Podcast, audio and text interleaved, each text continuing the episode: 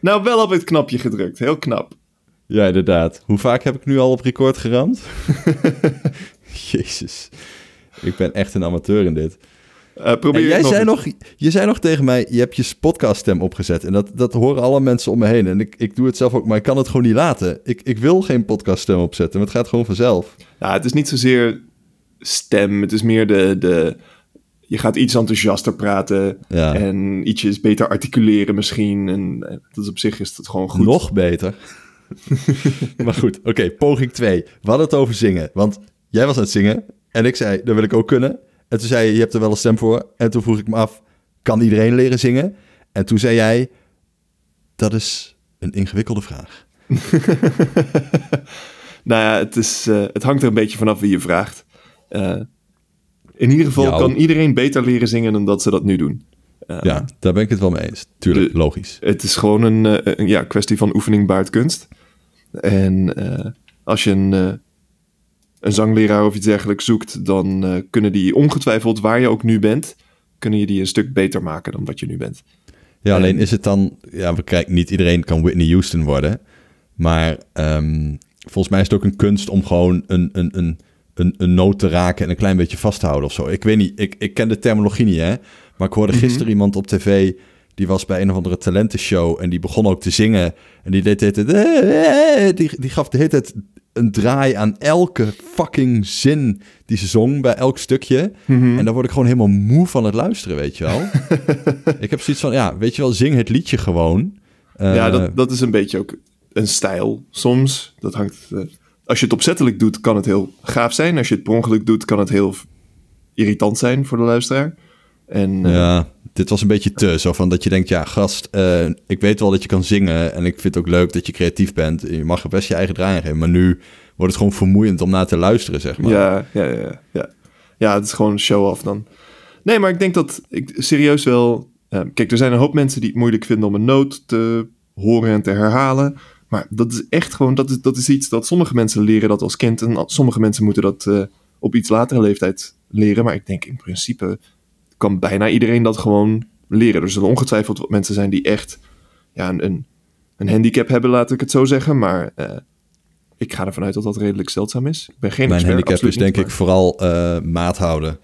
Ritmes snappen. En, Ook dat is gewoon oefening, joh. Dat is gewoon, ja. Dat, het- Nee, zeker nee. weten dat je het niet... Je krijgt het niet gratis zomaar eventjes... Of niet iedereen krijgt het gratis zomaar eventjes mee. Maar ik denk wel dat bijna iedereen kan tot vier le- leren tellen. Ja, weet ik niet. Ik kan namelijk... Ja, 1, 2, 3, 4, 5, 6, 7, 8. Eh, ik, ik kan namelijk als eh, ik op zo'n dancefestival ben... en we staan bij zo'n main stage... en ik denk, oké, dit is zeg maar de, de pop onder de EDM, als het ware... Mhm. dan kan Mieke mij zo vertellen... oké, van eh 1, 2, 3, 4, 5, 6, 7, 8... en 2, 2, 3, 4... en dan 4, 5, 6, 7, 8... en dan... Weet je wel, als je één keer in die tel zit... dan, dan kan ik het wel volgen. En als ik gewoon mee blijf tellen, gaat het Mhm. ook goed. Maar, maar Mieke die kan bijvoorbeeld als voormalig go-go-danseres... gewoon midden in een nummer binnenkomen en bam, heeft ze hem. En eh, nee... Bovendien, ik luister naar punk en metal. Hè. Daar komen de, de, de chorussen, de bridges en de, en de breakdowns dwars door elkaar heen. Eh, en daar is het zelfs soms een sport om het af en toe een beetje op te mixen, zeg maar. Eh, nee, maar ik- het is wel... Maar, maar goed, ja, je, je zegt dat nu alsof dat een groot, bijzonder talent is. Maar ik denk dat het overgrote deel van de mensen... Ik wil durven zeggen... 95% van de mensen kan met relatief weinig oefening, denk ik... leren om die kamer binnen te lopen en te gaan... Ah, 1, 2, 3, 4. Ja, ik zou het wel willen. Wat zou hier de 80-20 regel zijn? Want ik kan eh, klein, klein, heel klein beetje gitaar spelen. Maar gewoon zeg maar eh, alle basisakkoorden gewoon. Ja. Ehm, en als je de four chord song bijvoorbeeld kunt, dat is typisch zo'n soort van 80-20 ding. Je kunt met vier Ja. akkoorden echt superveel nummers bij het kampvuur doen. Toch? Ja, precies. Ja, als je wil. En eh, dat is een voorbeeld van iets, nou, daar heb je al gelijk iets te pakken. Dus het Mhm. Als je dat gewoon herhaalt, Mhm.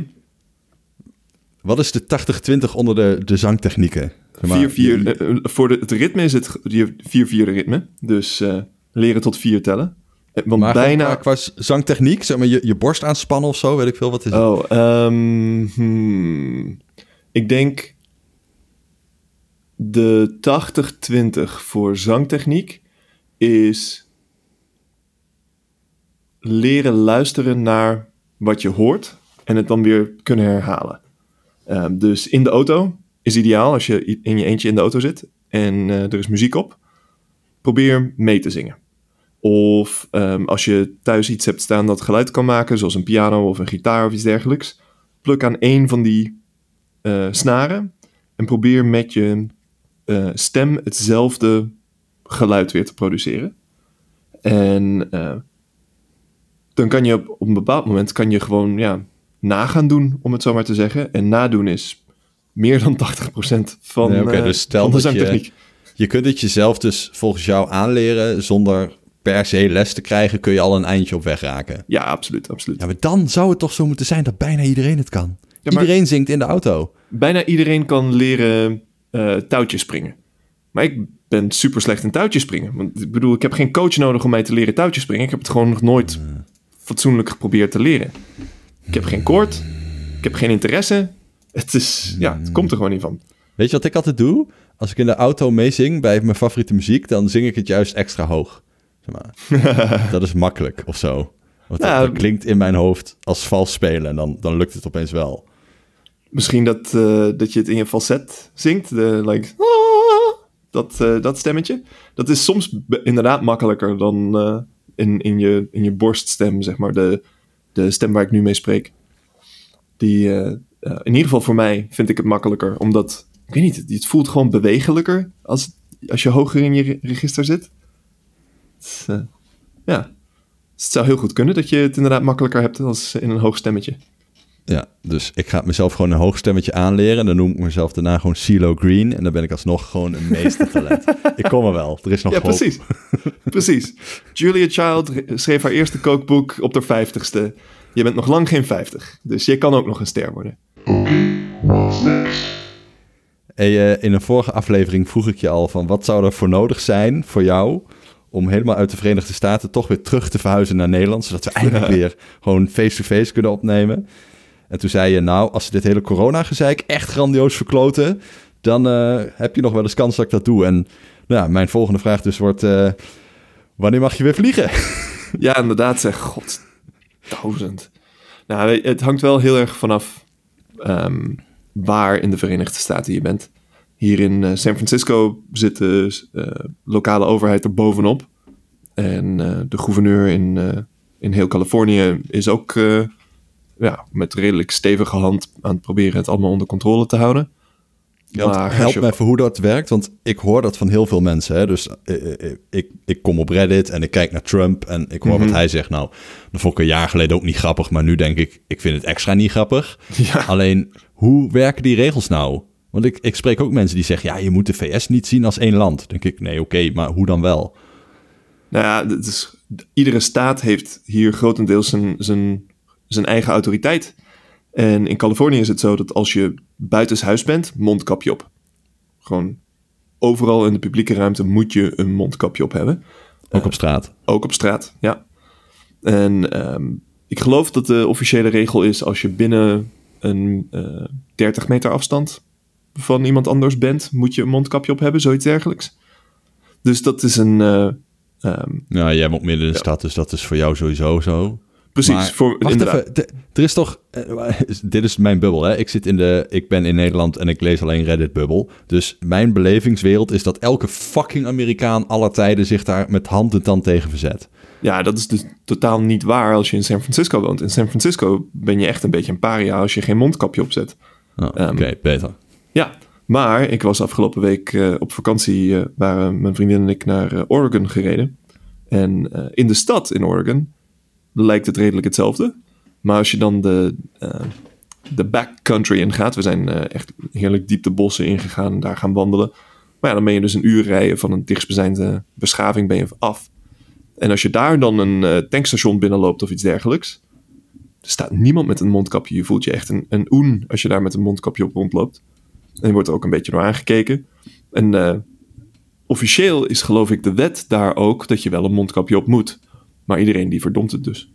Maar dat is gewoon een, soort van freedom? Of is het wat, wat zit daar dan achter?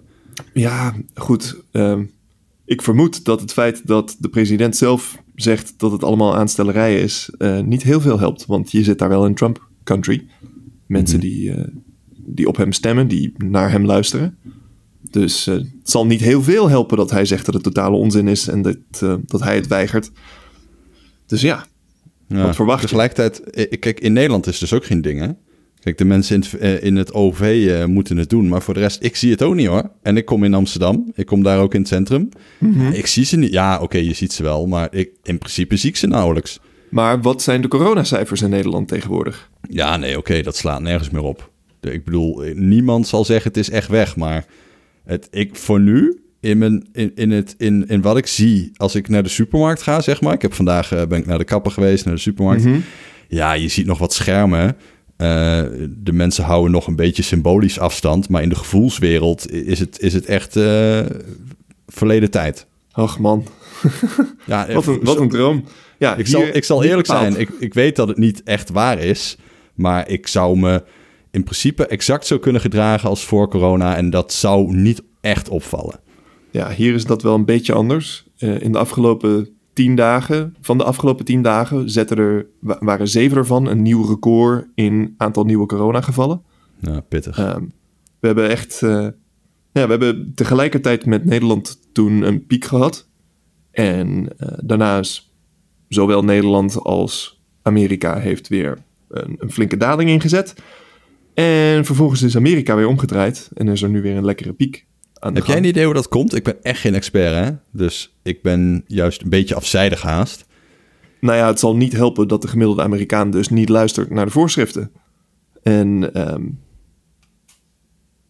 het is natuurlijk ook. ehm, je zit hier met een hele andere maatschappij dan daar. Eh, als je hier in Amerika ehm, eh, dan wel van eh, zwarte afkomst of Latino afkomst bent, dan is de kans dat jij met eh, je hele familie in één huis woont, is redelijk groot. Omdat je Ja. over het algemeen eh, toch wat minder. eh, ja, gewoon je zit in de sociale onderklasse. Je hebt minder geld. Ja, je hebt in minder zorg. Je hebt minder mogelijkheden om, om ehm, werk te vinden enzovoort. Dus ja, wat doe je? Je gaat met z'n allen in één huis wonen. En als er dan één persoon ziek wordt, wordt iedereen ziek. ziek. Ja, dat heb je gewoon in Nederland heb je dat minder. Je hebt een beter sociaal vangnet. Dus eh, als jij door corona je baan kwijt bent geraakt... ehm, in Nederland blijf je dan gewoon wonen waar je woont. En je wacht tot de storm overwaait en dan ga je weer een baan zoeken. In Amerika is het echt van kut. Ik heb geen baan meer. Ehm, ik moet mijn huis uit. Ik moet... Ja, dan trek je toch maar bij je opa en oma in. Oh, en toen was je ziek en ja, enzovoort. Het, eh, Ja, maar er is niet echt een, een, een, een zilveren kogel of zo. Er is niet echt één smoking gun aan te wijzen waarom... ja, eh, het zou gewoon... Ik denk dat de, de kern hiervan is gewoon dat Amerika is geen maatschappij waar je eh, van nature zegt... Oké, we, we doen iets voor elkaar. Je doet iets voor jezelf. En als Ja. jij er geen voordeel meer in ziet, dan doe je het niet meer. Dat is heel normaal. En ehm, het idee dat jij een mondkapje op moet om iemand anders te beschermen is een beetje raar. Ja. En het idee dat jij ehm, een hele hoop geld in een, een welvaartssysteem zou moeten pompen, wat niet voor jou bedoeld is, eh, is ja, gewoon heel vreemd voor de gemiddelde Amerikaan. Het, het, het idee van solidariteit is gewoon ver te zoeken. Ja. En Ja. ja, ja, dat, ja. daar krijg je, ehm, je, krijg, je krijgt dan de mogelijkheid om enorme hoogvliegers te bouwen als maatschappij. En je krijgt enorme ehm, ja, laagvliegers. ehm, de mensen die dan die ehm, een beetje een steun in de rug nodig zouden hebben en die het heel moeilijk krijgen. Maar even terugpakken naar Californië, want je zegt daar gedraagt iedereen zich best wel netjes. In ieder geval in San Francisco waar jij zit. Ja. Is het ook zo dat daar de cijfers ook heel anders zijn? Ehm, nou, ik heb de, de cijfers al een tijdje niet meer bekeken. Ik weet dat in San Francisco het ook nu weer wat eh, hoger is dan, dan eerder. Ehm, want ja, het, het is geen eiland. Eh, je, je kan nog steeds eh, vrolijk gewoon heen en weer. Maar ehm, in ieder geval, toen ik een paar weken voor, geleden er voor het laatst echt diep indook, stond San Francisco er inderdaad beter voor dan in de rest van het land. En werd het ook een beetje gezien als het voorbeeld van hoe je als stad het aan zou moeten pakken. Ehm, in contrast met bijvoorbeeld New York in het begin van de uitbraak. Ja. Die had het, eh, had het ontzettend moeilijk. San Francisco is daar veel voorzichtiger in geweest en heeft daardoor nooit dat niveau van crisis gehad. Maar ehm, hoe het nu staat, geen idee. Hoe is Ja, jouw ja- leven nu nog? Want je hebt, je hebt een mondkapje op, maar... Mondkapje op. ehm, ik zie eigenlijk geen vrienden eh, in, in levende lijven. Eh, restaurants zijn eh, eh, open voor take-out en als ze een terras hebben, mag het terras open zijn, mits er afstand gehouden wordt. Maar de meeste restaurants in San Francisco hebben geen terras. Dus in de praktijk is het alleen maar take-out eten. En ehm, nou, de kappers zijn nog niet open bijvoorbeeld. Dus zelf een beetje lopen prutsen. Hm. Het is nog steeds heel erg... ja, het is gewoon iedere dag ben je ermee bezig en zit het er... eh, beïnvloedt het je hele leven. Ja, dat is raar. We werken Ja, kijk, ik eh, weet natuurlijk exact hoe dat is. Dat is gewoon, eh, wat jij nu omschrijft, is exact Nederland, zeg maar, een maand terug. Ja, Gewoon, dat, ja. zeg maar, net, net voor de kappers open waren, eh, nog geen sportscholen en nu... Ja. Ja. alles wat ik maar dat ik, ik benadruk heel erg mijn eigen perspectief, hè, want het is natuurlijk Tuurlijk. zeker niet voorbij en voor genoeg mensen nog eh, aan de orde van de dag. Maar voor mij, ik, ik ben vandaag naar de kapper geweest. Eh, de stoelmassages op kantoor zijn er weer. Ik Oh, kan naar de sportschool. Ja, ehm, ja jezus, wat, wat mis ik nog in mijn geluk? Echt niks hoor. Ik kan, eh, ik kan ook naar een restaurant. Kan. Ben ik zelfs Mhm. al geweest. Eh, strand doet het. Kun je ook gewoon heen. Het strand eh, staat aan, ja, fijn. Ja, ja, het strand staat aan. Nou, daar kon ik sowieso al wel heen, want ik kan er gewoon heen fietsen en dan ben je er. Maar eh, het- het- toen ik er een poosje geleden was, eh, ja, eh, geen toiletten en eh, er was één afhaalbarretje open. Die deed het dan wel, maar verder niks. En nu Ja. zijn gewoon alle terrassen open. En ga jij... Je gaat naar je werk, dat deed je al. Ja. Maar hoe is het daar? Ehm, houden jullie extra afstand of eh, zit iedereen weer eh, dicht op Nou, elkaar? Kijk, eh, we doen het best wel netjes, maar eh dat is een beetje ja, gek om zo eh, hard op toe te geven. Maar een paar mensen hebben het al gehad. En je merkt Ja. wel dat, dat, dat die gewoon net wat, eh, wat relaxer zijn. Maar ja, weet je, we, Ja. we hebben op zich ook wel de ruimte. Het is niet zo dat je echt hutje-mutje zit. Ik denk, als je echt een meetlint pakt en je pakt anderhalf meter... ja, dan komen er vast af en toe wel, eh, wel binnen. Alleen eh, de ramen staan non-stop open. En eh, ja, er is in heel Flevoland niet één eh, besmetting op dit moment. Dus Echt waar? Wauw. het, het, het, het neemt wel langzaam af in je dagelijkse besef, ja. Ik, ik heb alleen, eh, zeg maar, in de afgelopen tijd gewoon dat reflex opgebouwd... om een beetje met een boogje om mensen heen te gaan. Dat doe ik nog steeds wel. Sure. Ehm, ik denk, eh, kijk, als er bij iemand ons, eh, bij ons op kantoor iemand komt die het echt heeft en besmettelijk is, en die gaat de boel onderhoesten, ja, dan zul je er een, een, een handvol misschien besmetten. Maar ik, ik denk niet dat je. Nee, het, het zal niet zo gaan als eerst, zeg maar. En je voelt je ook niet nerveus als je op kantoor zit. Je voelt je op zich Nee. veilig. Nee, in tegendeel. Kijk, ik heb zelfs zoiets van, eh, voor zover ik het nog niet al gehad heb. eh, want ik, ik, ik had ja, iets wat, het, wat, wat ik denk dat het is geweest op het moment dat je niet kon testen. Ehm, en dat, ja, die kans zit er ook wel in, want ik had een collega. eh, Oké, het zit zo. Dus ik had het tegelijkertijd met een collega. En die collega heeft een dochter in huis wonen, die is getest en die had het.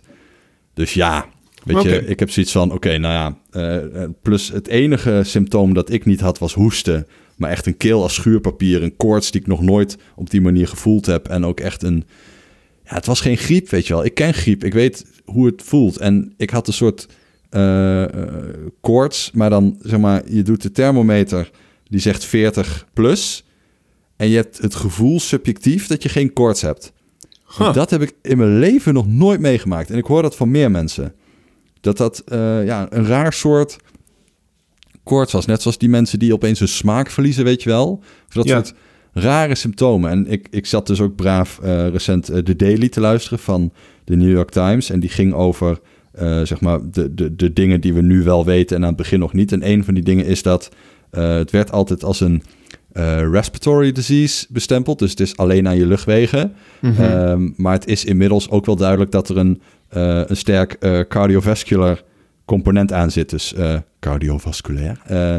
Dus, dus ook aan je, aan je bloedsomloop, zeg maar. Waardoor het ook op hele nauwe bloedvaten in je lichaam... en die heb je overal wel ergens... Sure. ehm, best wel schade toe kan brengen. En dat betekent dat eh, voor sommige mensen, niet allemaal, maar sommige mensen, de symptomen ook best wel bizar kunnen zijn. Huh. Eh, de, omdat het ook op plekken in je lichaam toch wel komt die niet standaard in het boekje staan. Dus nou ja, sowieso had ik echt onwijze keelpijn. Ik had koorts. Ik had een collega die tegelijkertijd had, waar het zeker weten in het huis was. Ik heb een beetje in mijn hoofd van ik zal het gehad hebben, maar ja, ja. het zou kunnen. En, eh en Miek en de Kids? Nou, het begon met Toby die koorts had. En eh, Mieke die is eh, zeg maar nooit ziek. Echt, zolang ik haar ken al nog nooit. En die had eh, ook een beetje koppijn en keelpijn. Oké. Ja. Het is Dus- absoluut niet ondenkbaar hoor. Het is alleen meer, je- je weet het niet. Je kunt het niet bewijzen. Maar ik denk als ik nu ziek word... of ik moet nu hoesten of ik ben echt verkouden... ja, hell yeah, dat ik echt niet naar kantoor ga. En, ja, precies. en me niet, ik bedoel, ik pas wel op. Alleen ik denk, zoals zeg maar de cijfers om mij heen zijn... en je doet een beetje verstandig en je hebt een beetje common sense... al wel een end komt hoor. ja, Eh, precies. Ik, ik, ik wil echt niet in de valkuil trappen dat ik naïef of eh, onvoorzichtig word, maar... ehm, ik ga ook maar met een, met een, ja, een handvol mensen om, weet je wel. Een paar collega's. eh, ik ben dan twee keer in de podcaststudio geweest. Ja, en zelfs dan... Ja, ja, ja. Nou, dat is een beetje Het- de samenvatting eigenlijk. Ja, maar goed, het, het, een, ik hoor toch echt een wereld van verschil. Het is hier absoluut, is er geen sprake van dat wij weer naar kantoor zouden gaan. Ehm, Nee, en eh, ik heb al in files gestaan. ja, oké, dat, dat wordt hier wel ook weer een beetje gangbaar. Het, eh, het verkeer komt er inderdaad wel weer redelijk op gang. Maar het, eh, ja, gewoon de, de dagelijkse routine blijft gewoon, we werken vanuit huis. En eh, we blijven bij, bij elkaar uit de buurt. En eh, een eh, vriendin van ons moest deze week haar huis uit omdat er een schade was en het moest gerepareerd enzovoort. En die was echt, nou, die moest echt even een tijdje zoeken en slikken en hard denken over waar ga ik naartoe. Normaliter zeg je dan, hè, ik moet even drie dagen mijn huis uit. Ik bel vriend en zeg, mag ik bij jou even drie dagen op de bank? En klaar. Maar in het midden van deze coronacrisis wordt het dan echt van, oké, wie durf ik te vragen om daar over de vloer te komen? Wie, eh, ja, goed, wie, wie neemt er iemand in huis waarvan je niet weet waar ze geweest is en, enzovoort? En eh, het is, aan de ene kant is het een beetje stom, want eh, ja, ik denk uiteindelijk, als je er eventjes over stopt en over nadenkt, dat je zoiets hebt van, nou, één persoon erbij in een huishouden is niet zo heel erg dramatisch. Maar het, eh, gewoon het gevoel van, jeetje, je durft niet eens uit logeren te gaan, zeg maar, Mhm. is, is nog steeds gewoon overal.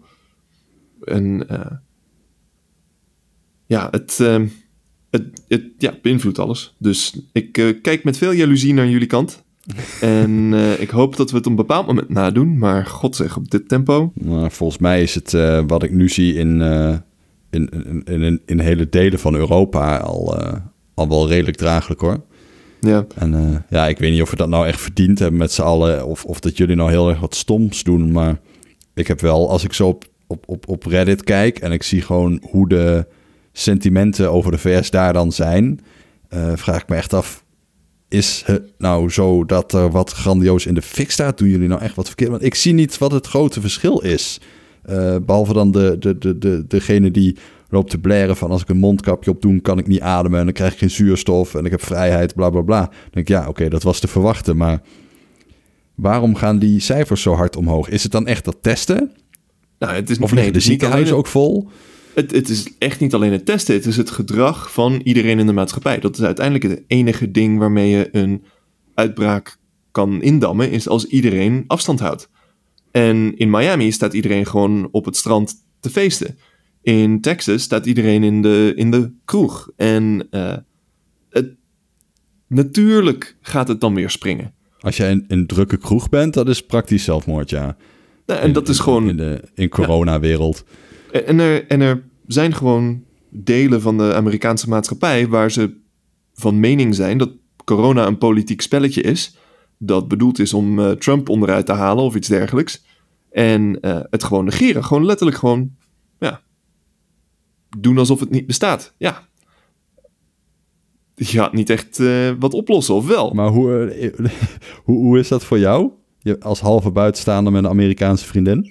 Hoe nou, gaan die goed. gesprekken?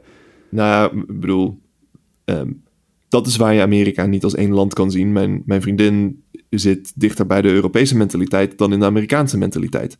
Het is, eh, weet je, wij wonen in San Francisco. De meningen zijn hier over het algemeen heel erg eh, ja, wetenschappelijk gericht, eh, liberaal gericht, dat in de, in de Amerikaanse zin. Dus eh, eh, liberal betekent ja, links, min of meer.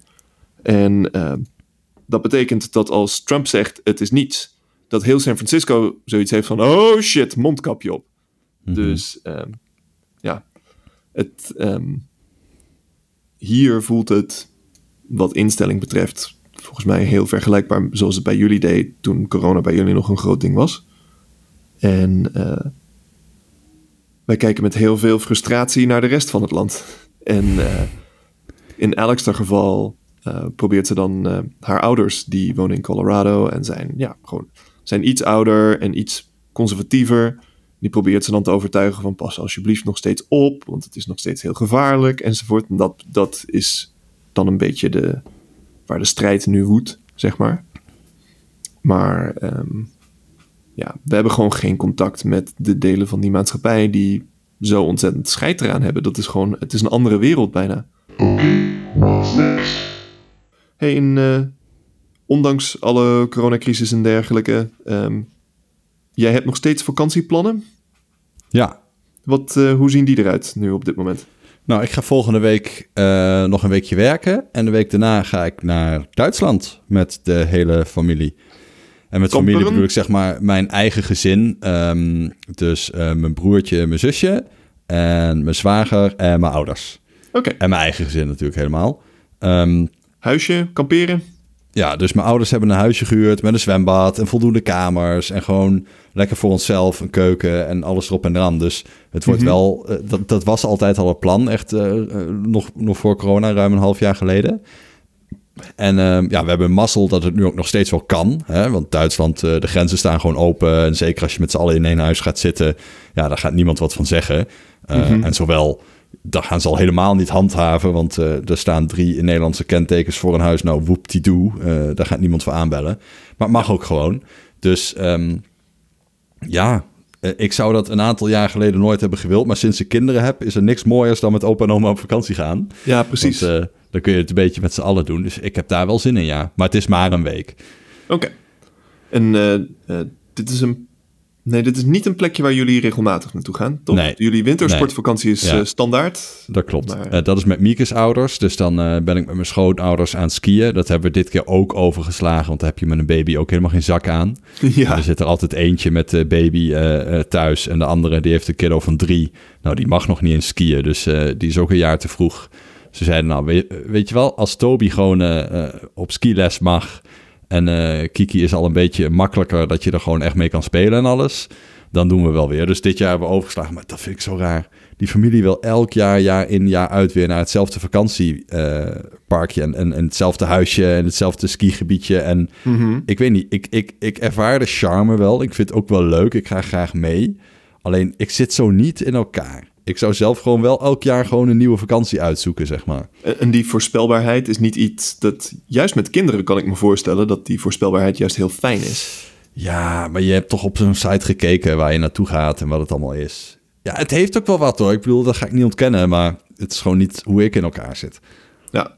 Dus je bent ook niet het type dat dan eh, een huisje zou kopen of iets dergelijks. Nou, ik niet. Eh, maar mijn vader die is wel aan het kijken van... joh, ik eh, ga met een, eh, een, minder dan een handvol jaar met pensioen. Mhm. hoe ga ik die tijd eens indelen? Dus die zit wel te kijken van... joh, ga ik ergens wat kopen of niet? Ik kan me dat wel voorstellen hoor. Als je ergens een huisje in Spanje hebt... op misschien in zijn geval nog mooier... ik zeg zijn geval, omdat hij er altijd over praat. ik bedoel, Ja. mijn moeder heeft er ook wat over te zeggen, voor de goede orde. Ehm, maar zij gaan elk jaar één of twee keer naar een Canarisch eiland. En ze hebben die allemaal al gedaan, elke keer weer naar een andere. En eh, daar hebben ze ook allemaal bestemmingen en plekjes en, en, en huisjes die ze graag huren. Ah, Ik denk wel dat als opa en oma een huisje op een Canarisch eiland hebben... dat dat eh, best wel een dankbaar plekje is eh, precies. Ja, voor precies. mij ook. Ja. Dus dat moeten we nog maar zien. Nee, maar deze vakantie is gewoon in Duitsland, in een gehuurd huis met dat is wel grappig. Er is ook zo'n kamer met een ballenbad en een glijbaan. En echt oh, kindvriendelijke toestand. Ja, dat vind ik wel tof. Dat is wel leuk. En er is zelfs zo'n klein saunaatje en een hot tub. Jezus mina, ik krijg er steeds meer zin in. Ga eens door met vragen stellen. maar, ehm, en uh, wat zit ik te denken? Ja, het enige, dat, ik weet niet waarom ik daar nu op kom, maar dat is wel een ding. Um, het enige waar ik een beetje tegenop zie is dat barbecuen, nu dat ik vegetarisch ben. Dat oh, pardon, dat heb ik nog even gemist. Heb je dat gemist? Hoe durf je, Robert-Jan Huisman? Je luistert niet eens naar met Nerds om tafel. Oh, ik loop een beetje achter inderdaad. Sinds wanneer oh, ben je vegetariër? Ja, dat is wat mensen zeggen die gewoon grandioos negeren. Die zeggen, oh, ik loop een beetje achter. Um, sinds, uh, sinds 1 januari, dit hele jaar al. Echt waar? Oh, wow. Ja, ja ik ben al het hele jaar vleesloos. En dat is een uh... leugen. Uh, ik heb namelijk een oepsje gedaan toen ik een nieuwjaarsborrel had en nog niet helemaal in de flow zat. ik een beetje erwtensoep gehad die ze aan het uitdelen waren op die borrel. En toen had ik halverwege door, oh fuck, hier zit natuurlijk spekjes in. Ah, goed. Uh, maar dat was een uh, honest mistake. 99,9% um, vegetariër. Ja, inderdaad. Dus um, ja, ik weet niet. Dat maar, is nu een ding. Dat, uh, dat bevalt? ja en nee. Het bevalt in die zin, het, het is niet moeilijk. Mhm. Eh, ik kom prima aan me trekken. Uh, zeker een beetje B12 bijslikken en, uh, af en toe een multivitamine erin en je komt een end. Mhm. Ik heb geen bloedtest gedaan hoor, maar ik voel me tip-top, niks aan de hand. Um, ja, dus het is wel te doen. Het is wel makkelijk. Het valt me niet vies tegen. Het enige is, ik, heb, ik hou echt wel serieus nog steeds van vlees. Ja, en dat was een beetje mijn, mijn punt van... er is daar dan ook een barbecue op dat vakantieadres. Ik zou echt wel gewoon sperrips willen vreten hoor. Dat, dat, die lust ik nog steeds. Ja, nou ja, goed, dat, dat hoeft natuurlijk. Ik weet niet precies wat jouw redenering is, maar uh, als het, uh, het idee is om, weet ik, uh, gezondheid of dierenleed of milieu of whatever. Al die dingen maakt het niet zo heel veel uit of je 99% vegetariër bent of 100%. Het is een, het is een glijdende mm, schaal, zeg maar. Dus je kan best zeggen, ik eet drie keer per jaar vlees. Dat. nou, hier, hier oké, okay, hier is een. oké, trouwens, eerste vraag. Waarom doe jij dat niet dan? Um, goeie vraag. En, want ja, ik ben inmiddels al 26 jaar vegetariër. Chapeau. En um, voor mij is het gewoon, ja, het is een, uh, een gewoonte. En het is natuurlijk makkelijker om een absolute nee te hebben, zodat je het er nooit over hoeft na te denken. Mm -hmm. um, maar voor mij was het ook een deel, ja, uh, controle uitoefenen, om het zo maar te zeggen. En dus mhm. tot, in zekere zin is juist het, het nee zeggen als het heel fijn zou zijn om ja te zeggen. Uh, ja, voelt gewoon als een, een overwinning, zeg maar. Mm En um, dat, uh, dus ja, ik denk dat, kijk, dat was natuurlijk toen ik negen was, was dat een big deal. Tegenwoordig is het wat minder, uh, maar is het gewoon, het is een gewoonte. Ja. En ja, uh, ja ik, ik, en trouwens, ik vind vlees ook niet meer lekker. Het uh, is gewoon, het is te sterk voor mij nu. Ja, maar hoe, hoe dat heb je dus wel geproefd? Um, ik, ik uh, even denken. In de afgelopen 26 jaar heb ik misschien drie of vier keer wat vlees gegeten. Mm -hmm. en ik heb namelijk, ik heb een ehm, twee staande uitzonderingen. uitzondering nummer één is als mijn gezondheid in gevaar is. En dat is één mm -hmm. keer mhm. gebeurd terwijl ik op reis was in the middle of nowhere. En letterlijk het enige eten dat ik kon krijgen was uh, vlees, vlees of vlees. Mm -hmm. En dan was het echt een kwestie van, nou, um, weet je wat? Uh, ik eet wel wat vlees.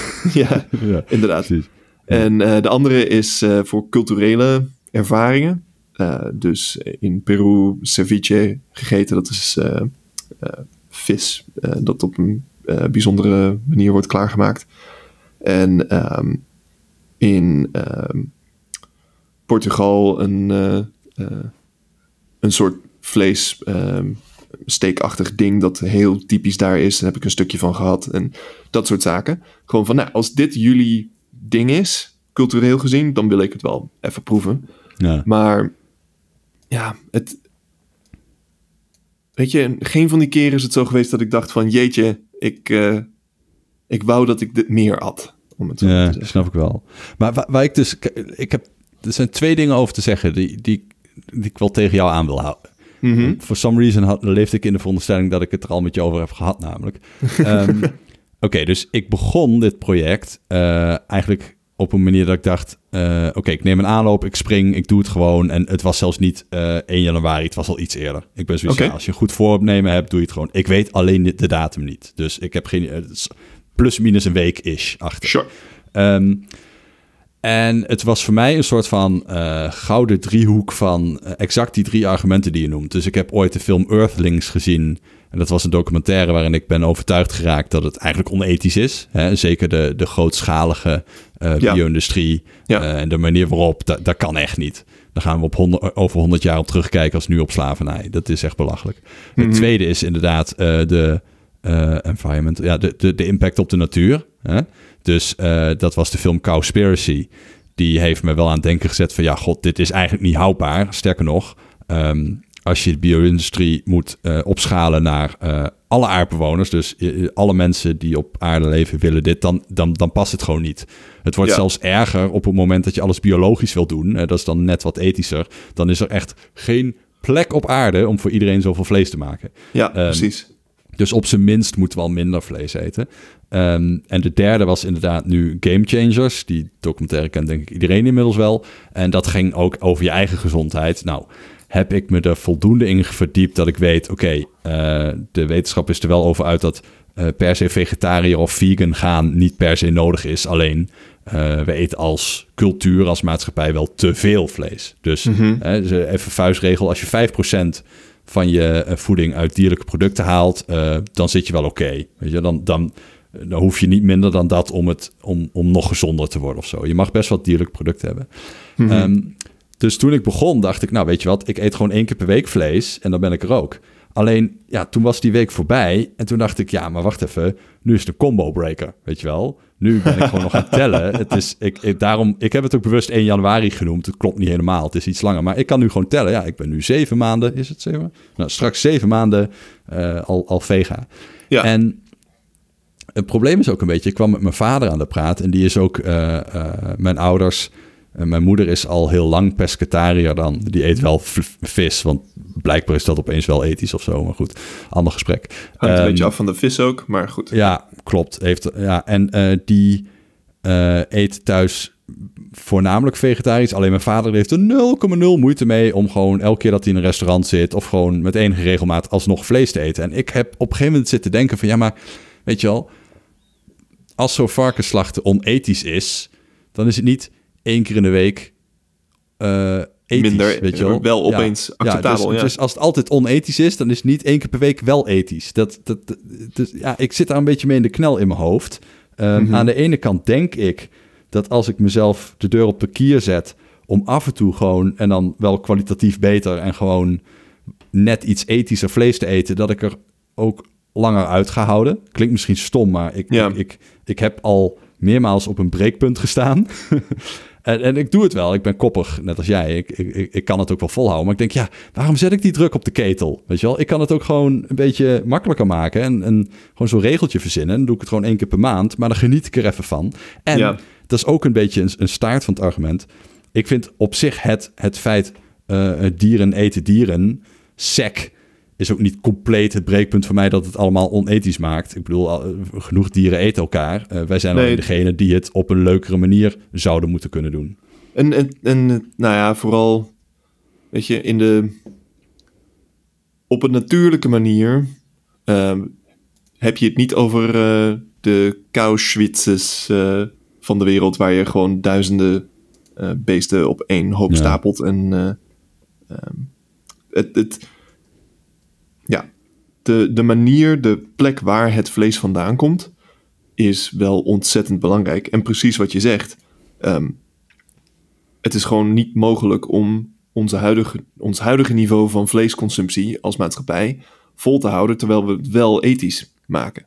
Mhm. Ik, ik geloof in principe wel dat het mogelijk is om ethisch vlees te eten, maar schaalbaar naar ons huidige consumptieniveau is dat gewoon niet. Dus ja, minder is beter. Mooi stempel. Hé, hey, maar eh, jouw, jouw gezin, ehm, zijn die ook allemaal vegetarisch gaan eten? Want ehm, eh, jullie eh, hebben ook nog een glutenprobleem in het huis, dus dat Ja. beperkt de mogelijkheden wel. Ja, voor, uh, voor Mieke is dat wel een reden om te zeggen... ik hou gewoon te veel van sushi en uh, weet je wel, ik, ik mag al zoveel dingen. Trouwens, als je een uh, glutenvrije vleesvervanger zoekt... dan wens ik je veel succes hoor. Ja, Ze bestaan. Alleen is, als je zo'n vak pakt met al die vleesvervangers... echt 90% is, hoe heet dat, gepaneerd. Dus... Ja. Dat is echt krankzinnig slecht geregeld. Sowieso is Nederland echt al een, een, een armoedeland als het gaat om hoe goed glutenvrij overal staat aangegeven. Uh, wij gaan bewust naar de Albert Heijn en kopen daar heel veel huismerken, omdat dat gewoon allemaal fantastische labeltjes heeft. Terwijl mhm. bijna alle aanmerken, kijk, het staat er wel op als je de ingrediënten gaat lezen. Je pakt dik gedrukt en je weet uit je hoofd wat in zit. Maar de, dus kunnen ook gewoon zulke icoontjes op staan. Doen ze niet. Ja. Bijna geen enkel merk doet dat. Um, maar goed, zij heeft dus besloten, nou, ik eet gewoon wel vis, want uh, fuck it. Anders kan ik helemaal niet aan mijn eiwitten komen. En daar heeft ze ook wel een punt. Um, maar ja, voor de kinderen, kijk, als die op het KDV zijn, ja, dan heeft dat dier even pech. zo lullig ben ik dan ook wel weer. Ja, mijn kinderen moeten dan gewoon, weet je wel, je wil het en niet al te moeilijk. En de kans dat je een volledig palet van voedingsstoffen krijgt als je gewoon alles eet wat je krijgt aangeboden en, en, en daar ook gewoon vlees tussen zit. Ja, het is gewoon tien keer makkelijker. Ja, um, nee, precies. Maar we gaan ook niet... Uh, nee, we, we, kopen geen los vlees. We kopen gewoon van die voedingsmaaltijd of maaltijdhappen voor kinderen. En daar mhm. zit dan toevallig vlees in. Um, ja. We maken het ons niet al te moeilijk wat dat betreft. En uh, wat, je had het over uh, eiwitten intake. Uh, houd jij bij of je voldoende eiwitten binnenkrijgt? Of kijk je het een beetje aan? Ja, ik heb een, een, periode van denk ongeveer een jaar, drie kwart jaar of zo. Uh, dat ik echt met dat fitness heel erg bezig was. En ook echt mijn um, uh, MyFitnessPal, dus zo'n zo'n voedingstrekker, dagelijks echt religieus invulde. Trouwens, grappig. Ik ben daar toen mee gestopt, omdat ik gewoon gek van mezelf werd. Um, en, en zeker dat ik op een verjaardag sta en een biertje neem en die dan invoer en denk, oh, nu mag ik niks meer. En denk, ja, gast, waar ben je nou mee bezig? Ja, precies. Weet je, wil je nou lol in je leven of wil je dat sixpack? Nou, afgezien dat ik nooit een sixpack heb gehad hoor. Maar ja, weet je, toen dacht ik, weet je, doe mij die lol toch maar. Nou, zo dik ben ik ook niet, dus uh, fuck it.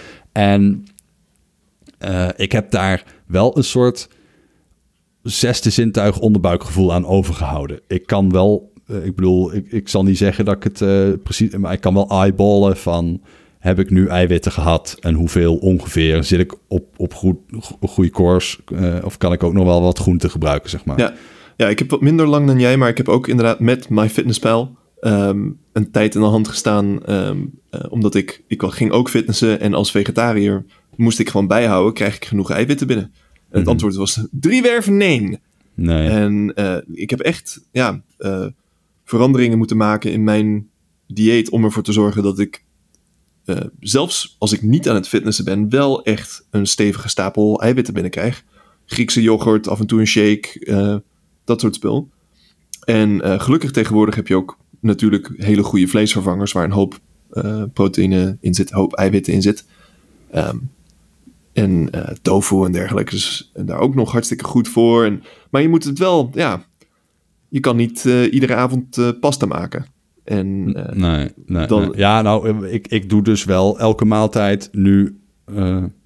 Ik er een beetje bij stilsta... Bijna elke maaltijd wel een vleesvervanger. De dag dat we taco's eten in de week... Want we hebben een... Miek is een moeilijke eter... en ik heb gewoon x gerechten die werken... dus dat doe ik gewoon elke week. Hartstikke idee. Zand erover. Mm bonen werken ook wel. Um, ja. Maar ik heb dus die vleesvervangers... moet ik zeggen, is ook wel over nagedacht. Want we hebben van die namaak gehakt... En daar zit dan toegevoegde B12 in, dat soort dingen. denk precies. Oké, ja, precies. En dan, dan, daar ben ik dan wel weer happy mee. De, ehm, heeft de Beyond Burger en de Impossible Burger, bestaan die al in uh, nou, Europa? Ja, uh, ik, weet niet, één van, ik weet niet zeker, maar één van die twee ligt in de Albert Heijn. Okay. Uh, afgezien van het feit dat die schreeuwend duur is. dus echt 6 euro of zo, dat ding. Uh, ja, nee, oh, maar oh, dat vind je schreeuwend duur. ja, dat vind ik duur, ja. En dat is het ook. Vraag elke Nederlander. ja, um, vraag elke Nederlander, behalve degene uh, die in San Francisco Maar ik luister dus ook best wel veel Joe Rogan. En ik heb me wel laten vertellen, het ding is niet per se gezond, zeg maar. Er zit nogal wat uh, aan verwerkte oliën in en, uh, en, en andere ja, bullshit. natuurlijk. het, het is allemaal highly processed, maar mm -hmm. um, wel erg lekker. en Ja. een stapel eiwitten. En als je Ja. nou eh, bij, bij die barbecue staat straks, is een Beyond Ja. Burger erop wel een hele Goed goede alternatief. Goed punt. Ja, Mieke lust hem alleen niet. Nou ja, goed, dat is pech voor haar. Kan jij hem nog steeds op de barbecue knikkeren? We De hebben, dagen, de dagen dat ik een vleesvervanger eet die ik wel mag en zij dat dus niet kan eten, was toevallig vandaag, krijgt ze van mij een gebakken ei. oh, Eieren vind ik trouwens wel ethisch, hè? Kippen kunnen echt een fantastisch leven hebben en, en ze leggen toch wel eieren. Dus eh, Ja, en bovendien eh, hebben we het weer een beetje over de 80-20. Ehm, als je eieren en melk uit je dieet wil verbannen, dan doe je echt zoveel meer moeite dan Ja. als je alleen vlees en vis eruit haalt. Nee, maar ik vind echt- eieren niet onethisch. Hè? Een, een, een kip die het goed heeft, zo'n biologisch ei, daar vind ik niks mis mee. Want dat ei legt hij toch wel. Maar die Sure. koeien, eh, daar wordt gewoon het kalf afgepakt en die worden met eh, hormonen eh, bezig gehouden dat ze melk blijven geven. En dan moeten ze nog een kalf maken en dan blijven ze nog meer melk geven. En dan denk ik, hmm, Ja. Maar goed, ja, nee, ik ben het met je eens. Daar, daar zitten inderdaad ook ethische vraagtekens aan. En als het heel makkelijk was, dan deed ik inderdaad zonder melk. Maar ja, een heel groot deel van mijn dieet bestaat uit melkproducten. En ehm, ik heb het een maand gedaan. Ik heb een maand veganistisch gege- gegeten. Ja, dat was... eh, het was inderdaad 80% van de moeite eh, extra ten opzichte van het, het vegetarisch zijn. Het was, weet je, als veganistisch zijn 100 punten is, dan was vegetarisch was 20 punten moeite. En de veganistische stap die je zou zeggen, nou, dat zou dan toch de kleinere stap zijn, was 80 punten van de moeite. Dus dat, eh, ja, het was het mij gewoon ja, niet waard. maar het zou in principe wel, moeten, vind je. Ik hoop ontzettend dat het makkelijker gemaakt wordt in de komende jaren. Er wordt onderzoek, eh, eh, research en development gedaan aan kunstmatige uieren, uiers, eh, ui, Nederlands. Dus melk uit een, een echte normale, zeg maar, koeienmelk, maar uit kunstmatige bron. Ja, dat zou wel heel super zijn. En ehm, eieren. ja, goed. Wat je zegt, heb ik iets minder ethisch een probleem mee. Dus daar zoek ik niet acuut een vervanging voor. Maar eh, ga jij nog op vakantie? Eh, nou, ik ben net een weekje weg geweest. eh, naar de bossen van Oregon. God, wat mooi. Je, je Ja, ik zit moet zeggen, ik zag die foto's, een aantal op Instagram. En toen dacht ik, hey, dit, dit doet mij ook wel een beetje denken aan wat ik in Yosemite tegen, tegen ben gekomen. Ja, maar iets... iets eh, ehm, het Engelse woord is lush. Hoe heet dat in het Nederlands? Ja, begroeider. Ja, de, het is gewoon, ja, alles is groener. Eh, je Ja. loopt daar met, door het bos en het er, er zitten overal struikjes en plantjes en bloemetjes en dergelijke. En als je in Yosemite rondloopt, dan is het toch wat droger. Eh, de ondergrond is eh, zand of rots of whatever. En ehm, ja, het, het voelt gewoon iets... ehm, het, het is een beetje alsof je Nederland voorstelt als een oerwoud, zeg maar. Eh, nou goed, nee, maar dan zijn er nee, bergen. nee, dus het is een slecht voorbeeld. Ja, nee, maar het zijn wel heel andere soorten begroeiing. Maar en, en, en, en een beetje rondgekrost dan. Ja, en we, we, we hebben een B&B'tje gevonden midden in het bos, in de bergen. En eh, daar hebben we een paar dagen gezeten. En het was heerlijk. Gewoon iedere dag eh, grote wandelingen maken. We hebben een, een van die rivieren afgeraft. Dat was allemaal gewoon, ja, heerlijk. Maar ehm, grotere reizen dan dat staan, staan er op dit moment niet op de planning. Want eh, ja, eh, je kan niet echt veilig ergens naartoe op dit moment. Niet in Amerika. En als ik naar Europa zou komen, moet ik twee weken in quarantaine. En vervolgens twee weken in quarantaine al bij terugkomst. Ja, dat is kut. Dus eh, ik sta niet heel erg te springen om een maand van mijn leven op te offeren voor een vakantie. Eh, dus de, de grote vakanties moeten helaas nog even wachten. Hey Randal, jij hebt, eh, je hebt een huis, je hebt een gezin. En eh, het huisje heeft een tuintje en daar zit vast wel een boompje in. Dus huisje, boompje, wat daar normaliter op volgt, is beestje. Ik dacht altijd Ja. dat ze daar kinderen mee bedoelden. Ja, weet ik niet. Maar eh, nou, ik heb nu, eh, deze week heb ik een hond alleen. En het is eigenlijk wel hartstikke leuk. En ik vroeg me af, waarom, waarom heb jij geen huisdier? Eh, verantwoordelijkheden, eh, veel van huis. En Mieke heeft allergieën. Mm, Oké, de allergieën snap ik. Dat is, dat, dat is misschien lastig en moeilijk om heen te komen. Maar je hebt kinderen. Dat betekent Ja. dat je al verantwoordelijkheden hebt en dat je blijkbaar genoeg thuis bent om die kinderen in leven te houden. Dus dan kan je ook wel, een, kan je in principe een hond, een konijn, een poes, kan je ook hebben. Nou ja, eh, jij en ik zijn allebei opgegroeid met honden. Dus eh, ik, ik heb die beesten dicht in mijn hart. Maar ik heb echt gewoon geen tijd. En ik heb ook alle huisdieren die ik heb gehad dood laten gaan. Hè? En ik vind het wel leerzaam voor mijn kinderen. Maar eh, ik word al nerveus als ik aan denk. Kinderen breng je naar een KDV of opa en oma. Dus een, een- een hond maakt het echt niet makkelijker. Nee, makkelijker maakt het zeker niet. Nee, die hond die wij nu hebben is half husky. Dus eh, ontzettend veel energie. Oh, dat is mooi ook, zo'n beest. Ja, prachtig. Maar hij moet wel vier keer per dag eh, uitgelaten worden. En dan eh, kom je thuis en dan wil ze nog steeds spelen. Maar hoe Dus, kwam dat eh, zo? Die heb je te leen. Dus even Ja, duidelijk. de, ehm, eh, de twee vrienden van ons, die, eh, die hebben haar. En eh, die gingen een, eh, een weekendje op stap, maar ze is niet een hele goede reiziger. Dus eh, vroegen ze ons of wij eh, even een tijdje op haar wilden passen. Oh, doen we wel vaker. Oké, ja. En, eh, Maar er kan ook, eh, kan ook eh, COVID mee eh, komen hè, met zo'n hond. ja, goed. Nou ja, dat risico nemen we dan. Dat, eh, Wat is de andere helft? Je zei husky. Eh, zeg alsjeblieft dat het corgi is. Husky corgis zijn echt fenomenaal. Ik- nee, geen corgi, maar bijna net zo erg een Pomeranian. En eh, dat is een ontzettend klein type hondje. En huskies en Pomeranians kunnen ook niet normaliter met elkaar fokken. Ehm, als je dat als fokker dat wil doen, dan moet je dus kunstmatig insemineren. En eh, dan komen ze eruit in een heel spectrum. Ze kunnen eruit komen als hele husky-achtige kleine Pomeranians. Of als hele, gewoon, ja, een, he- een miniatuur husky, min of meer. Zo'n eh, En, Dungeons and Dragons eh, dobbelsteen rollen. Gewoon. Ja, ja, inderdaad. Ja, en meestal, eh, schijnbaar, ehm, zo'n nest heeft gewoon een, een, ja, de ene komt er het, eh, op de ene manier uit en de andere komt er op de andere manier uit. Dus je hebt dus een spectrum aan puppies komt eruit uit die moeder. En dan eh, de fokkers verkopen die beesten dan. En eh, naarmate ze meer op een husky lijken, worden ze duurder. Ja. Holy shit, ik google dit. En ze zijn allemaal prachtig. Nou, het, en, En ze zijn klein. Nou ja, dat, dat is dus helemaal afhankelijk van wat je krijgt. Eh, de Pepper, de hond die wij op bezoek hebben, ehm, is, eh, lijkt heel erg op een husky. Maar gewoon, nou ja, eh 60% formaat, zeg maar. Dus Hmm. past in een appartement. Jemig. Wat een beestjes. Oh, hoe verder ik scroll, hoe meer bullshit er ook tussen zit ook trouwens hoor. Dit ziet er niet, op, niet gezond doorgefokt uit af en toe. Ja, in sommige gevallen is het echt niet oké. Nee.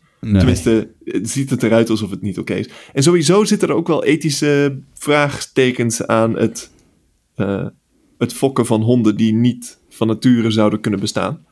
Alle honden dus. Goed, oké. Ja, ja oké, maar bedoel. oh dus nee, inderdaad deze kunnen niet geboren worden. Ja, ja oké. Ja, kunstmatige inseminatie.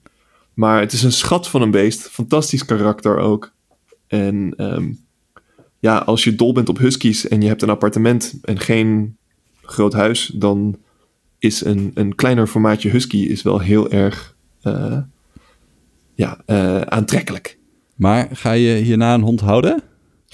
Nou, nee, want wij hebben een appartement. We wonen in het midden van San Francisco. Het is een beetje, een beetje ingewikkeld om, ehm, om zo'n beest echt voldoende, ehm, vooral buitenbeweging te, te, te geven. Ja. En eh, Maar cavia dan? eh, we hadden een poes. Die is eh, begin Oh ja. dit jaar is onze poes is helaas overleden op eh 19-jarige leeftijd. Dus dat, die heeft het prachtig gedaan. Maar ehm, ik denk dat we op een bepaald moment wel weer aan de poes gaan. Ehm, maar ja, dat heeft een beetje eh, tijd nodig. Alex die eh, was erg verknocht aan onze, aan onze kat. En eh, ja, je wil die niet acuut weer vervangen met een ander. Dat, dat voelt gewoon raar. Ja, dat is sneu. Als je het hebt over onnatuurlijke verschijningen, dan heb je het natuurlijk ook over de poes. Hè? Bedoel, die bitches die vangen gewoon alle dieren eh, die ze tegenkomen en vervolgens vreet ze gewoon een blik wiskas leeg. het is echt niet normaal hoeveel wilde diertjes te sneuvelen, omdat het mensen behaagt katten te houden. Ja, nou en, tot op zekere hoogte is dat hun functie. Als je, eh, als je muizen in huis hebt, dan... eh, dat was denk ik oorspronkelijk de, de functie van zo'n beest, denk ik. Maar voor ons is het... eh, onze poes komt niet buiten. Dus eh, je moet als wild dier wel eh, redelijk avontuurlijk zijn... om door onze poes opgegeten te worden. Of gevangen te worden. Maar inderdaad, het schijnt dat de... Als je naar de, de statistieken kijkt van vogels in vooral bewoonde. hoe heet dat in het Nederlands, verdorie? Hè? Bewoonde wereld. De bewoonde wereld, maar ik zit voor de bebouwde kom zit ik Ja, over kom, na ja. te denken. De, inderdaad, als eh, kleine vogel in de, in de bebouwde kom, eh, je, je bent je leven niet zeker. Maar ja, dat, ja, goed. Om nou, eh, ze zijn wel heel lief, weet je. Dus ik, ik weet er alles van. Nee, maar ik, ik heb nog steeds wel eens dromen over die hamster die ik dood heb laten gaan. Dat was echt niet oké. oh, ik heb dat- er gewoon nooit voor willen zorgen. Ik wou gewoon een hamster. Ik wou er niet voor zorgen. En dan zeggen je ouders, ja, maar je, als, je, als je een hamster neemt, dan moet je er ook echt voor zorgen. En als kind denk je, weet je, stel me honderd vragen. Ik wil dat beest toch al. Alles wat jij wil horen uit mijn mond ga ik nu zeggen. En Ja. weet jij veel dat het ding vijf jaar leeft? Nou, of in mijn geval niet, maar ja, ik weet niet. Ik zou een hond nu veel gedoe vinden. En het is ook Nee, een beetje het- vies. ja. Het is vies trouwens. Je hele huis wordt vies. Ja, en eh, ruikt naar hond. Mhm. Maar, doen mensen dit eigenlijk ja. nog? Maar het is wel een... Weet je, ondanks het feit dat die hamster dus helaas geen, eh, geen lang leven beschoren was met, eh, bij jou... heeft het wel je wat geleerd.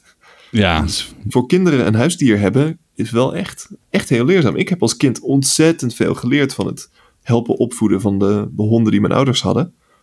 Dat was echt heel leerzaam. Dus ik denk als ouder zou ik het bijna actief opzoeken om, eh, om een beest in huis te krijgen. Mm, ik moet er nog even over nadenken. Ik denk dat, eh, dat ik Mieke nog wel zover zou krijgen om weer cavia's te nemen. Maar eh, die heeft op haar, van haar cavia's ook op een nare manier afsta- eh, afscheid moeten nemen. Dus dat is ook nog een soort trauma. En Ja, bovendien, je haalt weer verantwoordelijkheid in huis... waarvan je weet, het gaat uiteindelijk ook weer over. En nou, nou, Ja, nou, ja. nou, nou.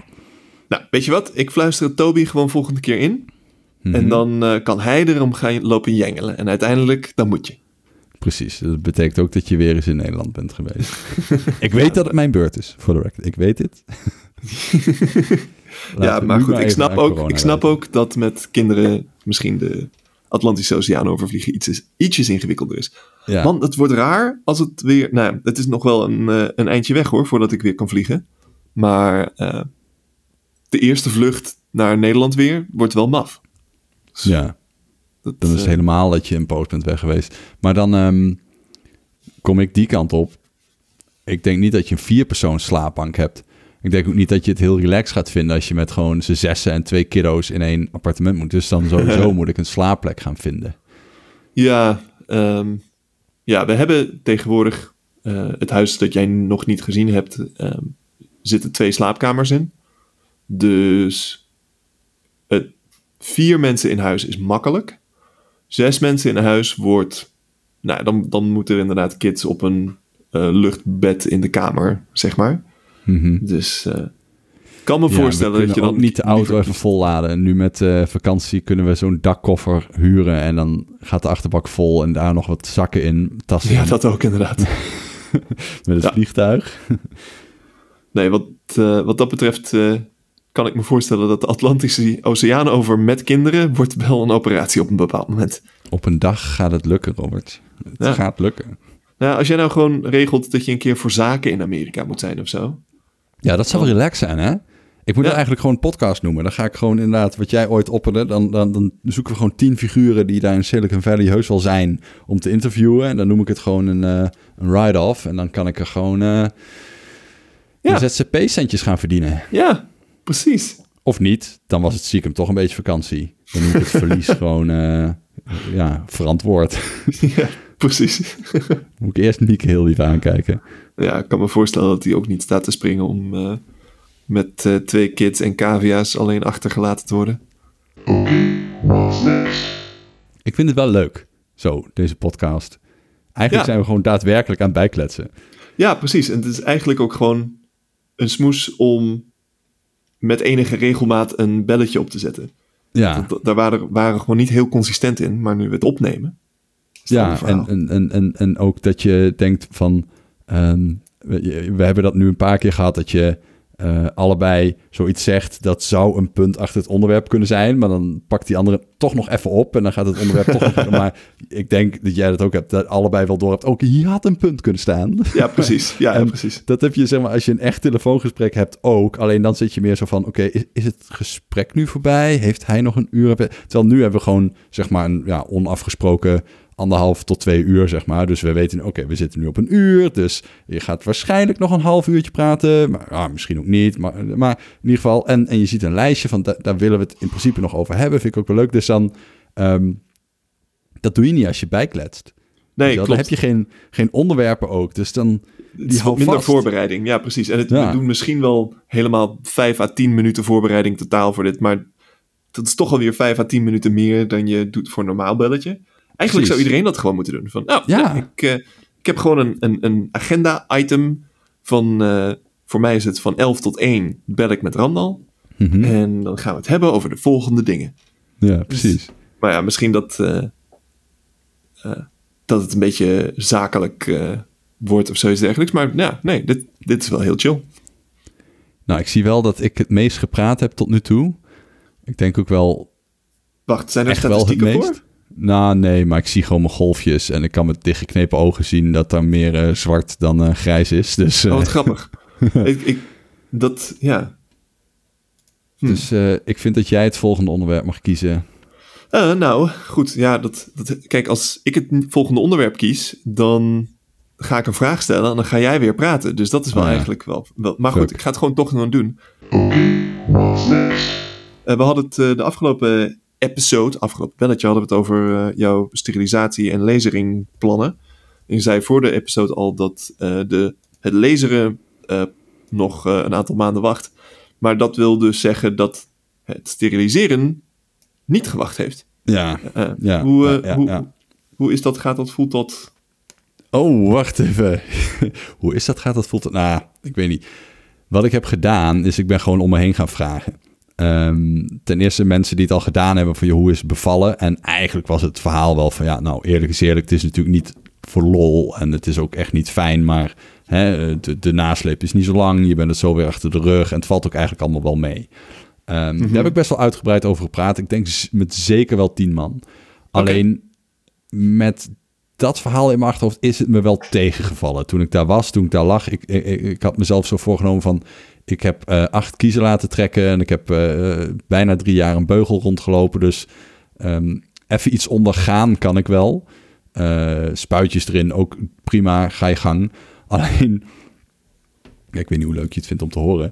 Maar eh, ze waren best wel snel bij mij bezig. En die eerste verdoving was nog net niet helemaal lekker, zeg maar. Oeh. En, ah, ja, ah. en, en dat, dat had ik eigenlijk op dat moment... Ik lag er echt een beetje met eh kromme tenen en een beetje zweet op mijn voorhoofd. En ik had eigenlijk zoiets van, oké, dit is normaal, prima, tandjes op elkaar. En het, ging ook wel. Alleen toen bij die tweede, toen dacht ik, waarom voel ik dit niet? Zo, en toen dacht ik... Oh nee. En, Oh, eh, Rambo. maar goed, ik weet niet, heb je ooit iets van gaatjes laten boren met, met verdoving of zo? Niet gaatjes Eh, laten boren, maar wel verstandskiezen laten trekken. Ja, precies. Nou, dan herken je dit wel wat ik zeg. Ehm, je voelt niet per se wat ze doen en toch weet je donders goed wat ze doen. Gewoon omdat het, het Ja. zit gewoon, ja, weet je, eh, het zit gewoon tussen je oren en je weet wat ze van plan zijn en je voelt het ook wel. Dus dat had ik ook heel erg. Het, ja, nee. Het is, eh, het is geen pretje, vind ik, om te doorstaan. Dat gezegd hebbende, ja, weet je wel, het is polyklinisch. Je bent daar, je bent er serieus geen kwartier binnen. Echt het waar? valt Wauw. echt wel mee. Ja, het, het, het gaat zo. Je komt gewoon een kamertje binnen. en Dat is eh, gewoon, het is, eh, waar je binnenkomt is, is, is, is net iets groter dan een toilet. En dat is gewoon, daar staat een stoel, daar kun je uitkleden. Maar er zit gelijk al een deur achter, weet je wel. Je komt eerst een deur Ja. binnen, dan ben je in dat kamertje, daar kun je omkleden. Dan ga je één deur verder. Nou, voor jouw gemoedsrust, voor jouw ehm, gemak, zegt hij dan van, oh, je, hou je onderbroek maar aan, de rest mag uit. Ja, t-shirt wel. Ehm, en dan loop je verder. Nou, dan heb je echt zo'n operatiekamertje. Maar gewoon een kleine, gewoon niks bijzonders. Het is het, het heeft wat weg van het tandarts, maar het is een heel ander bed natuurlijk. Want je, je gaat er liggen dan. Sure. Uh, en dat vind ik wel slim gedaan. Wat ze hebben is... Um, uh, het, het, is een, het is een bed dat is gewoon echt helemaal plat. Dus van nature ga je al liggen. En het is dus eigenlijk um, of onmogelijk of onhandig om echt mee te gaan zitten kijken. Ik denk als ik zeg, ik mot en zal het zien, dan, dan gaan ze me denk ik niet tegenhouden. Maar um, ja, je, je, ziet het niet echt. Dus je ligt daar gewoon je blote bibs uh, op die tafel, want je hebt die onderbroek net uitgedaan voor je gaat liggen. En dan komt er, dat is wel mooi, zo'n echt zo'n groot schort, zo'n zo'n zo'n groene doek eigenlijk met in het midden gewoon zo'n gat eruit. En dan, dan gaat het dan doorheen. En ja. dan even met, uh, nou, het is geen jodium, het is een of ander roze goedje. Dat, dat, het, het, het voelt ook een beetje warm en koud tegelijk aan. Kan dat? Ja. Nou, ja, want dat. Heel volgens raar. Mij, volgens mij is... Uh, als mensen zijn we niet heel goed in het meten van temperatuur met onze uh, huid. De, mm -hmm. Volgens mij kan je het verschil tussen warm en koud niet echt fantastisch voelen, maar is het de context die je vertelt of het warm of koud ja, is? Ja, dat zou kunnen. Het is in ieder geval, het was ja, dus ontsmettingsmiddel. Um, nou ja, en, en goed, dan gaan ze het ding doen. En dan komen er ook uh, uh, natuurlijk verdovingen bij. En daar had ik de filmpjes al van gezien, dus ik wist wat me te wachten staat. Maar dat is, um, ja, ik denk, als, als je zeg maar objectief, echt objectief kan meten, uh, doet een kiestrekker denk ik meer pijn. Alleen subjectief is dit gewoon tien keer erger, omdat het, het is daar, weet je wel. Ja, dus, precies.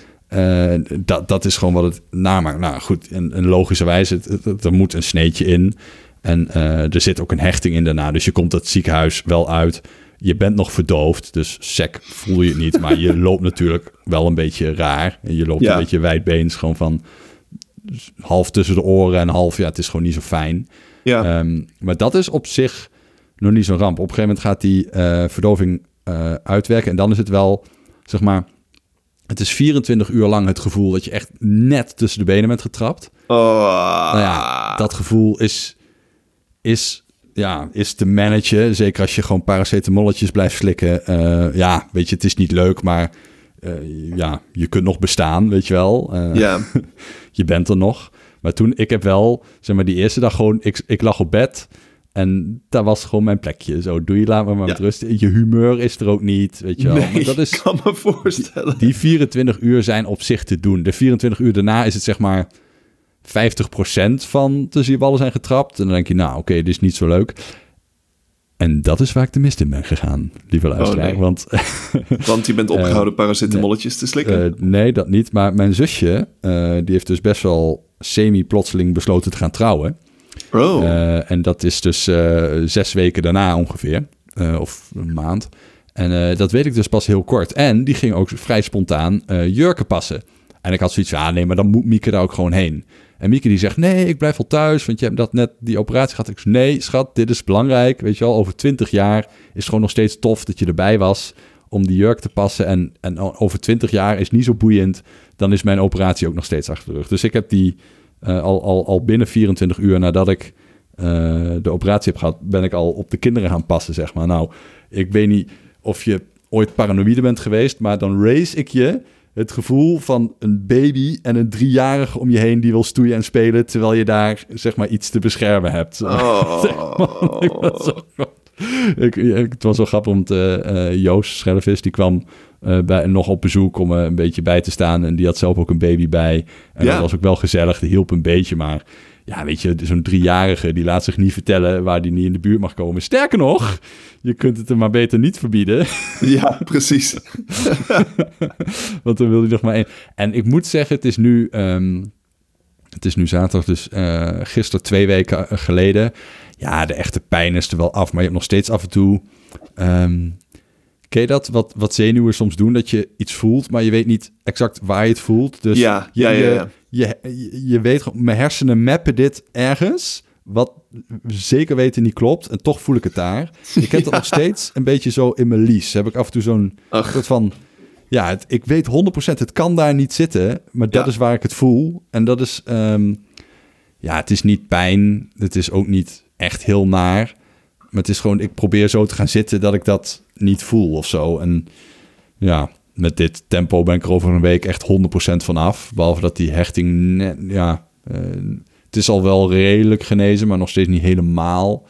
Ehm, ja, om een lang verhaal kort te maken. Ik zou zeggen, iedereen die dit overweegt, ja, doe het. Weet je wel, wat is twee weken op een mensenleven?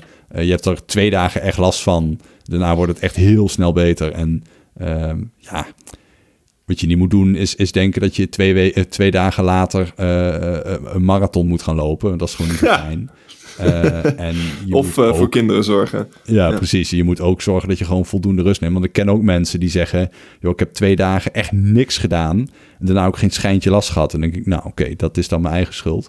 Ja. Ehm, maar ik heb wel wat lotgenoten die dan wel beamen... ja, zelfs anderhalve week later tot misschien wel twee...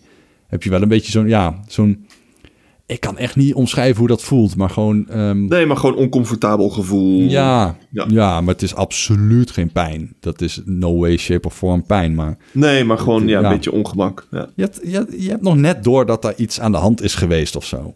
ja precies. Ja, ja. Maar oh, goed, man, eh, het is eh, nou, die ene keer dat ik eh kiezen heb laten trekken. Nou, dat is trouwens niet de ene keer. Ik heb als, eh, als kind heb ik ook kiezen laten trekken, maar dat is echt een hele tijd geleden. Eh, maar die verstandskiezen die er bij mij uit moesten, dat was. Je weet dat het geen big deal is. Je weet dat ze dat twintig keer op een dag ja. doen. ja. En eh, ik was ook geen moeilijk geval. Ik had er maar drie, dus dan eh, is het allemaal nog makkelijker. En ik hoefde ook, het kon in één keer allemaal. Ik geloof als je vier kiezen hebt dan, die eruit moeten, dan, dan moet je in twee keer, want ze kunnen het niet allemaal tegelijkertijd verdoven. Maar Nou, kan mij komt gewoon. Ja, maar dat ja is gewoon, eh, dat is gewoon ja, niet, zo, niet zo schappelijk. precies. Maar goed, ehm, ik heb daar een, eh, een klein beetje een, eh, een probleempje. Ik ben namelijk als de fucking dood voor naalden en verdoving wist in het bijzonder. Luisteraar. Ja, dat weet- ja, Ik dat, wist dit. Dat, dat is een beetje moeilijk te ontwijken als je me wat langer kent. Want het is echt, als je praat over naalden, ga ik tegen de vloer. Ik zit Daarom was ik een- net ook zo terughoudend. Ik, Je ik, weet, ik weet het. doorheen geslagen. Ja. Nou, ik zit hier ook echt een beetje zo van, ik gewoon normaal blijven ademen. Mhm. Het is, eh, ja, je hield me niet tegen. Heel knap. Ik vond Nee, het, nee, eh, het, eh, respect. precies 33 jaar oefening eh, gehad. En ik kan nu wa- daadwerkelijk wakker blijven als ik praat over naalden. Maar goed, die, die verstandskiezenoperatie is in principe ook... Ja, het is 10 minuten nog niet, nog niet eens. En dan is het gewoon is het klaar. Maar voor die operatie moest, het, moest er dus de verdoving erin gespoten worden. En ik had daarna letterlijk gewoon... Nou, ik denk zeker 20 minuten nodig... voordat ik niet meer trilde. En ze hadden zoiets van, ja, zolang jij spastisch loopt te doen, gaan we niet aan jouw kiezen lopen trekken. Dus weet je wat, ga jij maar hier gewoon in deze stoel eventjes een tijdje liggen, wennen aan het idee dat je je mond niet kan voelen. Ja. En dan eh, dat ik 20 minuten voor nodig voordat ik chill genoeg was dat ze aan mijn mond konden lopen trekken. Maar had je ook Oh. echt een, eh, nou ja, ik wil niet zeggen speciale behandeling, maar de- ze, ze gaven je wel die tijd, zeg maar. Je was ja, ik, eh, ik zal zeker niet de eerste persoon zijn geweest die daar een beetje panisch werd van de verdoving. Ehm, dat bedoel, ja, ze doen het 20 keer per dag, dus dat eh, zullen ze zeker vaker zien. En gelukkig was er dus blijkbaar ook ruimte in het schema om mij gewoon rustig eventjes een tijdje met, met rust te laten. ja. Maar ik had het ook echt even nodig, joh. En, ehm, want ja, ik, ik lag echt gewoon te, te shaken. Echt, en, en niet een klein beetje van gut, mijn hand trilt, maar echt van, ja, eh, een beetje sp- spastisch. Ah, dit voelt raar. Ah, help! Ja. Zit het je in de praktijk nog in de weg? Dat je echt dingen gewoon niet laat doen, omdat je het eigenlijk wel zou moeten doen, maar je doet het niet, Ja. want... Ik ben, ik ben wel. ehm, ik ben wel redelijk streng met mezelf. Dat als ik cognitief snap dat ik eh, bijvoorbeeld bloed moet laten afnemen of iets dergelijks, eh, dat ik het wel doe. Eh, maar ik vraag me wel af of ik onderbewust ja, het ontwijk soms. überhaupt naar de dokter gaan misschien wat minder doe. Ik kwam terug van, van Oregon van de vakantie. En ik had een, rare allergische reactie. Rode vlekjes overal. Dus ik ben naar een dermatoloog gegaan. En gezegd van, wat is dit? En eh, de dermatoloog had zoiets van, nou, dat, allergische reactie. eh, twee opties.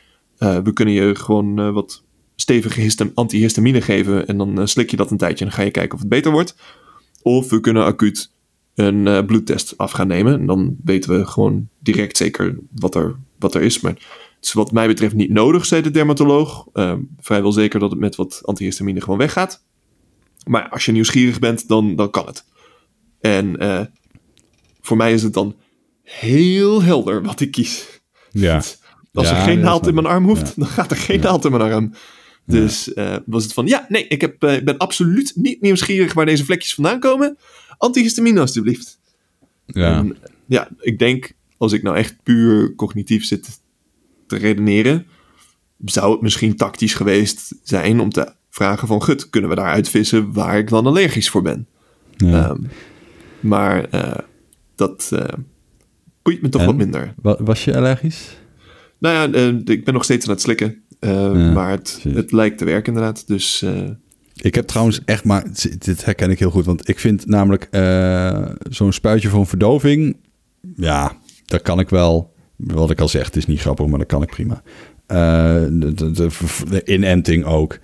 Ik kan ook bij andere mensen alles zien. Echt alles. Gewoon alles. En oh nee, dat is voor mij prima. ook absoluut niet. nee. Ehm, en dat was ook laatst bijvoorbeeld, ik moest met Toby naar, nou moest, ja, eh, we hebben eh, ook een bloedonderzoek bij hem gedaan of dat hij celiakie had. Nou, had hij niet, gelukkig, godzijdank. Dus dat is wel fijn, maar ehm, dan zit ik met hem op, op mijn schoot en dan, dan wordt bij hem eh, bloed afgenomen. Kan ik prima. Eh, bij mij bloed afnemen, ja man, dan, dan, dan, dan, dan, dan ga ik ook vrij ver om dat te voorkomen hoor. Daar heb ik echt Ja. geen behoefte aan. ja, En ik vind Ja. dat heel raar, want dat is net wat je zegt. Als je het gewoon helder beschouwt, is er geen zak aan de hand. Je kunt het missen. Doet niet, het doet geen pijn natuurlijk. Het doet niet echt pijn. nee, maar het is het Het is idee. echt- ja, Het, ah. En het Ja. is ook, ja. Eh, Het is mij ooit uitgelegd, ik heb geen idee of het waar is, maar dat er een, eh, een reactie in je lichaam is. Dat ehm, als jij verwacht een groot trauma te krijgen, dat ehm, je bloeddruk ontzettend veel lager wordt, zodat het langer duurt voordat je doodbloedt, zeg maar. Dus dan Mhm. als, je, als jij ehm, eh, op een punt staat met een zwaard je arm eraf gehakt te krijgen, kan je maar beter op dat moment flauw vallen en hopen dat iemand je arm eh, af, eh, afbindt. Ehm, of whatever. Dan, dan ja, blijkbaar schijnt dat dan een reactie te zijn die bij ons ingebouwd zit. Ja, en ik krijg die reactie dus als ik überhaupt, eh, eh, als ik het idee heb dat er misschien een naald op me afkomt, dan heeft mijn lichaam zoiets van groot trauma incoming, ja. paniek. En Ja. dan ja, bloeddruk door de, door de vloer en dan val je flauw. Ja, ja, wat ik denk, eh, maar dat weet ik niet. Ik heb namelijk ooit eh, bloed laten afnemen en toen ben ik ook daadwerkelijk flauw gevallen. En ik weet niet of het klopt, maar ik heb het zo in mijn hoofd dat dat de laatste keer was. En dat is echt meer dan tien jaar terug. En Good for dat you. dat gewoon... Wat? Good for you. Ja, nee, maar dat, ja, dat dat gewoon, zeg maar... Als het nu zou moeten, dan... Ja, ik zou dan echt wel eh, serieus onderzoeken hoe hard dat nodig is. Zeg maar. ik, ik zou wel echt ver- vrij ver gaan om dat gewoon te voorkomen. Nee, ik heb eh, drie jaar geleden, zoiets dergelijks, heb ik voor het laatst bloed af moeten nemen. En ik was zo trots, want ik ben niet flauw gevallen. Mhm. En eh, Nice. ja, mijn trucs zijn ehm, allereerst zorgen dat je ligt. Ehm, de meeste bloedafneemfaciliteiten laten je zitten, ehm, in ieder geval hier in Amerika. En, maar ik, weet je, eh, liever nog dat ik op de vloer ga liggen dan dat ik blijf zitten daarvoor, want dan gaat het helemaal niet goed. Maar gelukkig, Nee. die plek waar ik toen was, hadden zoiets van, oh, nou, als je wil liggen, dan ga je toch gewoon op de bed hier liggen. Prima. Ehm, en ehm, de, zorgen dat je de naald niet ziet, is voor mij de andere truc. Dus gewoon liggen, ogen dicht of naar het plafond kijken en eh, niet te veel praten, meneer de, de, de, de bloedafnemer. Gewoon eh, prikken en eh, opschieten. En eh, ja, en eh, een beetje proberen. eh, je, je hebt trucjes om te proberen je bloeddruk op peil te houden. Eh, tenminste, ik denk dat dat is waarom ze werken. Met je hoofd tegen de, het kussen drukken bijvoorbeeld. Of ehm, eh, met je andere arm knijpen. Dat soort dingen. Dus nou, ik was heel trots. Ik was wakker gebleven. Ik had daarna wel een nieuw t-shirt nodig. Ik was gewoon helemaal doorweekt van het zweet. Ja, nou, maar niet Maar goed. nou, nou, maar niet flauw gevallen inderdaad. Ja, en, en gezien eh, het gesprek hiervoor was het ook nodig. Dus eh, ja, nou ja, het, eh, ja, dat was absoluut een geval van oké. here we go. Moet gewoon. Maar eh, ehm, ja, gelukkig gelukkig kwam ik er wel goed doorheen. Dat was de, de keer daarvoor was dat wat minder fijn. Toen zat ik er ook tegen mijn wil. Die, dat was, eh, ik denk, de eerste keer dat ik echt in grote mate bloed afgenomen moest krijgen. En dat was omdat de Amerikaanse overheid eist dat als je een green card wil, dus een, een eh, permanente verblijfsvergunning, dan moet je je bloed laten afnemen om te testen of jij al je inenting hebt gehad. En ik kwam daar aanzetten met mijn inentingen, vaccinatieboekje, keurig ingevuld, alles eh, wat er nodig was. Van kijk, hier staat een. Dus hadden zoiets van ja, maar een derde wereldland als Nederland, daar vertrouwen we Ja. de documentatie natuurlijk niet. Nee, precies. Dus ehm, Zijn er landen waar ik wel kan vertrouwen? nee, ik denk het niet. Eh, En, maar het is, ook, het is idioot. Op dat moment was ik al twee jaar lang in het land op een tijdelijke verblijfsvergunning. Dus twee jaar lang was het blijkbaar geen probleem of ik mijn inentingen had geha- gehad of niet. En eh, toen opeens moest ik het bewijzen. ja, Dus ik heb onder dwang- in die tijd eh, HIV positief kan maken, bij wijze van spreken. Ja, ja. anyway. Het, eh, ja. Onder dwang heeft de Amerikaanse regering mijn bloed afgenomen.